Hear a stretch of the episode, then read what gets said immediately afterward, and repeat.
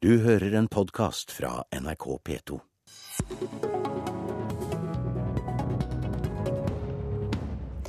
Milliarder av kroner til lengre permisjoner, høyere og utvidet kontantstøtte og mer penger til alle som får barn.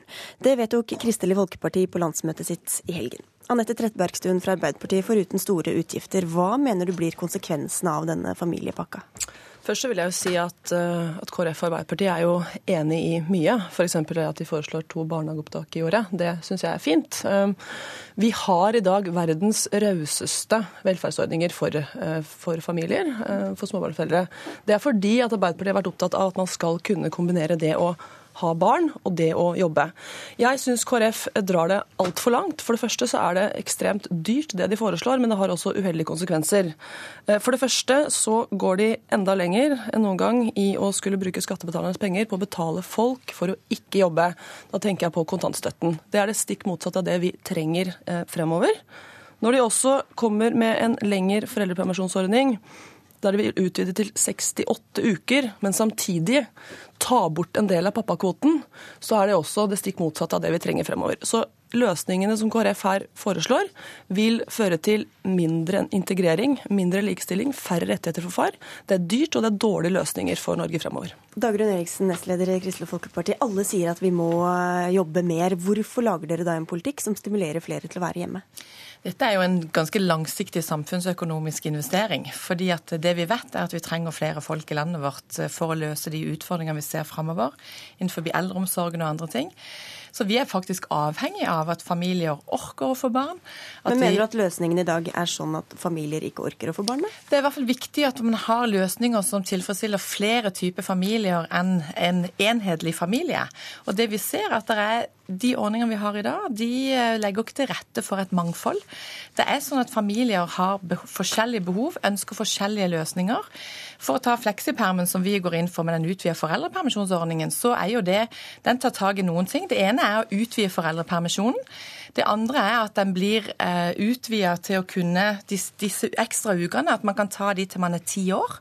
Eh, sånn at man får litt større fleksibilitet i hverdagen. Og det kanskje det siste viktige poenget er jo at vi nå stopper den tvangsdelingen som eh, Arbeiderpartiet og den rød-grønne regjeringen har ønska på foreldrepermisjonen.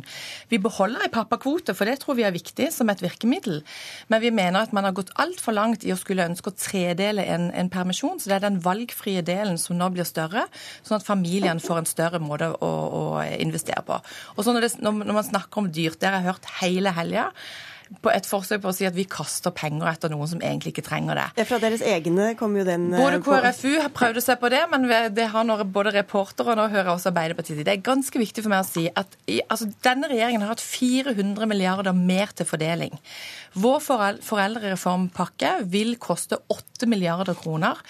Og hvis man ser en vekst sånn som man har sett nå, så er det en investering til familiene som vi mener er verdt det, og som er en del av velferdssamfunnets investeringer for framtida. Og da, Nette Trettebergstuen, gjør det mulig for folk å få barn før de er blitt 40 år og har fått en stabil økonomi, f.eks.? Ja, altså nå er det jo sånn at Vi får barn før vi er 40 i dag også. Vi får barn som aldri før. og det er, Noe av årsaken til det er at vi har uh, verdens rauseste ordninger. Jeg mener at det er helt feil uh, å skulle bruke 8 milliarder kroner bl.a. på å betale damer for å ikke jobbe, som kontantstøtten gjør. De åtte milliardene ville jeg heller brukt på en bedre eldreomsorg, eh, bedre SFO, skolemat, den type ting. Dette er et prioriteringsspørsmål. KrF er jo helt ærlig på det. At man ønsker å prioritere at folk skal være hjemme. Vi mener at vi skal prioritere andre løsninger. Vi trenger at disse kvinnene jobber. Kontantstøtten er en ekstremt dårlig løsning. Nei, men pakken deres gjør det. Kontantstøtte koster ikke 8 milliarder kroner. Kontantstøtte er et, et virkemiddel som anerkjenner én type familier som velger noen annerledes løsninger. Men som ikke simulerer flere til å gå ut i arbeid. Det må du være enig i? Nei, men det, spørsmålet er er det mennesker som hadde gått ut i arbeid allikevel. Det man så når kontantstøtta ble, ble, innført, var at faktisk var det det største sosialt utjevnende eh, vedtaket som var gjort på lenge. Fordi at veldig mange fattige barnefamilier, hvor man hadde gjort dette valget i utgangspunktet, ble hjemme, og så fikk man faktisk noe økonomi. Vil... Og den delen der, den tror jeg er kjempeviktig, men det er bare én bit. og mm. Derfor så syns jeg at når Arbeiderpartiet prøver å framstille det som at KrF bare mener at nå skal vi være hjemme. Nei, men vi respekterer at familier velger forskjellig. Dette er en del av det. Men vi har mange gode løsninger som kombinerer familier, arbeid og familie. Familier velger forskjellig, familier er forskjellige, og de skal få lov til å velge forskjellig. Eh, poenget er jo at staten og skattebetalerne trenger ikke å betale for at disse familiene skal gå hjemme. Det er ingen forskere eh, som, som mener at kontantstøtten har ført til det dere mente at kontantstøtten skulle føre til. Man er ikke mer sammen med barna sine. Den hindrer integrering, den hindrer likestilling. Okay, vi, vi, vi, gjør det ikke bare til en kontantstøttedebatt, men altså, Dagrun Eriksen, denne fleksipermen sier dere skal gjøre det lettere for foreldre. Men hvor, det de fleste opplever i dag, er jo stress for å hente, stress for å levere, stress for å rekke jobben og komme seg hjem og dårlig samvittighet i alle retninger. Hvordan hjelper det da med flere uker lenger permisjon? Altså Det man har med, med den eksisterende foreldrepermisjonen i dag, er jo at man har en mulighet også til å kunne ta ut noe som deltid.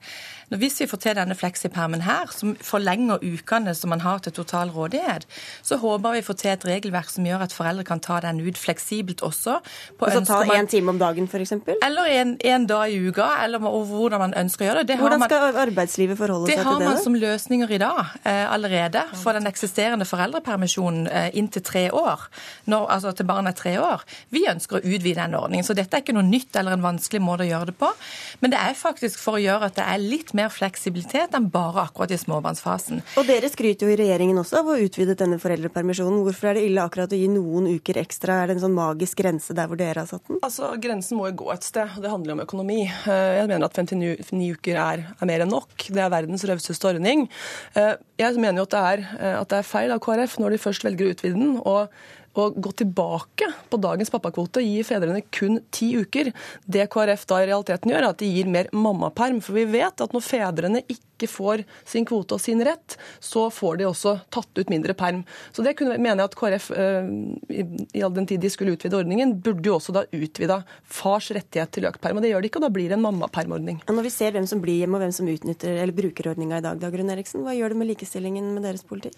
Jeg tror jo at det der kommer ganske sterke advarsel til Arbeiderpartiets måte å tvangsdele den nye eh, permisjonen på. Jo, men altså også fra kjønnsforskere så er jeg ikke enig i at dette faktisk gjør noe med likestilling. Det gjelder ikke opp til barna er ti år, kanskje? Nei, men Det som er veldig viktig, er at man klarer å få til ordninger som gjør at man får livet til å gå i hop.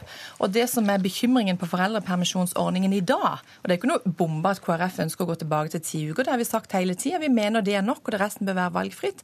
Fordi hvis vi nå strammer til så mye at man ikke orker å få barn, og tar vekk de rettighetene som kvinner faktisk har fått, så tror jeg at det å velge å få barn blir en utfordring i framtida. Bare et siste spørsmål. Dere regner med at denne politikken på sikt gir mindre utgifter til barnevernet. Hvorfor tror du at foreldre som jobber, gir barnevernet mer å gjøre? Nei, Det er hele pakka. Vi har også ganske sterke virkemidler på noe som regjeringen alltid glemmer. Det handler om samlivstiltak, foreldreveiledning og styrke familiens rolle til å være familie. Eh, så det er det, det som handler om at ikke vi får eh, store utgifter til barnevernet, hvis vi klarer å ruste familiene forebyggende. Arbeiderpartiet har alltid vært opptatt av at man skal kunne prioritere å både eh, ha familie og ha barn og jobbe. Eh, derfor så har vi også lagt til rette for det gjennom verdens rauseste ordninger. Det KrF i realiteten foreslår her nå, vil føre til at det blir mindre valgfrihet for, eh, for mange familier, mindre valgfrihet for fedre, flere kvinner hjemme, og det blir vanskeligere å få livene til å gå i hop. Det er vel opp til familiene å vurdere om det er sånn det blir. Ok, Takk skal du ha, Anette Trettebergstuen fra Arbeiderpartiet. Så til en annen kjernesak for KrF, det de kaller kampen mot sorteringssamfunnet. Partiet ønsker at ingen skal ta abort, en nullvisjon, og bare tillate det ved voldtekt eller ved fare for mors liv. De vil ha grunnlovsfestet rett til liv, en absolutt øvre abortgrense på 18 uker, og ikke tilby tidlig ultralyd, der man bl.a. kan oppdage mistanke om Downs syndrom hos fosteret. Dagrun Eriksen, du har nettopp snakket varmt om at foreldrene er de beste til å bestemme over sitt eget liv. Hvorfor gjelder ikke det når kvinnen er gravid? Altså Det som er med KrFs grunnleggende syn på dette, er at eh, for oss er det vanskelig å se at dette bare handler om foreldres kropp og liv. Eh, det at vi mener at all liv har rett til å leve, det er, et, det er, et, vanskelig standpunkt, men det er et standpunkt som jeg tror er viktig at også er med i samfunnsdebatten. For oss så handler det om to liv. Og vi prøver nå å finne ordninger som på den ene sida kombinerer prinsippet vårt om retten til liv, men samtidig også ønsker vi et fellesskap med de politiske partiene som har sagt at vi ønsker å få aborttallene ned. Og da henvender du deg til sidekvinnen din, kanskje? Kari Kjønaas Kjos fra Frp. Hvilke signaler mener du KrF sender til, gjennom denne politikken? Nei, jeg jeg syns det er veldig leit, fordi man reverserer en ekstremt viktig rettighet eh, kvinnen har eh, i forhold til, eh, til abortspørsmålet. Og når man snakker om at man skal rettighetsfeste eller grunnlovsfeste retten til liv, men samtidig skal akseptere abort ved noen kriterier, eh, så, så jo, henger jo ikke dette sammen. Altså Enten er man for, eller så er man, er man imot. Men så har jeg lyst til å si at det er ingen som ønsker disse høye aborttallene. Og den viktigste grunnen til det er at vi vet at kvinner som eh, gjennomfører en abort, sier at det har vært veldig krevende. De gjør noe med kvinnene, og det er en forferdelig vanskelig avgjørelse å ta.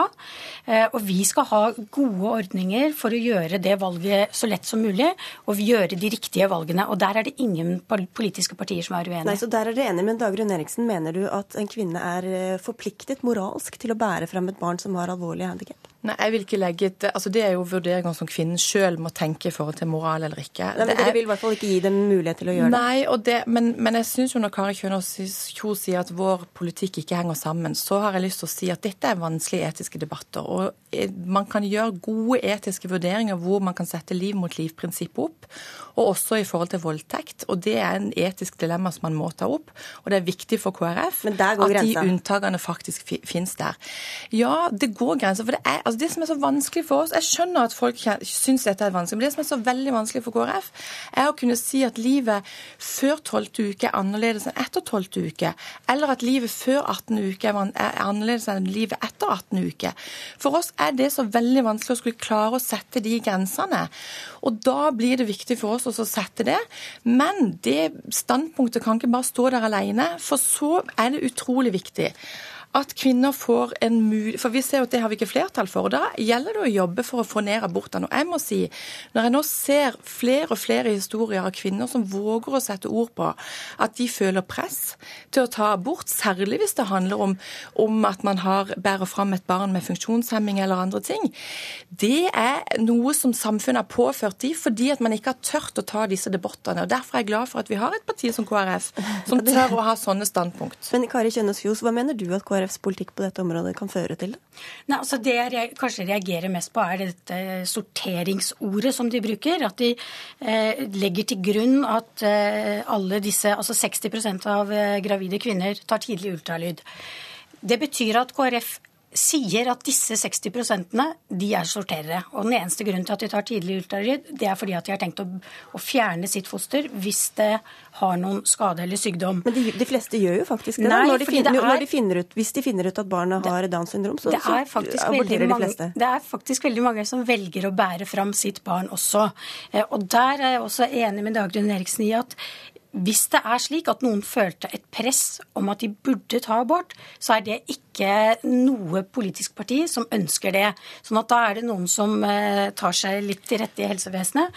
Men det er viktig å gi den informasjonen som er nødvendig. fordi hva vil det si for dette barnet å vokse opp? Hva vil det si for familien? Det å gi den gode informasjonen som er nødvendig for å ta de riktige valgene.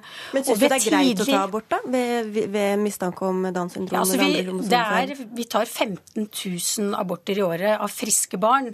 Eh, og da man, snakker man ikke om det, men man skal på en måte henge en skam over den kvinnen som har et eh, begrunnet, eh, en begrunnelse for sitt valg, fordi hun mener at hun ikke er i stand til å gi det barnet et godt liv.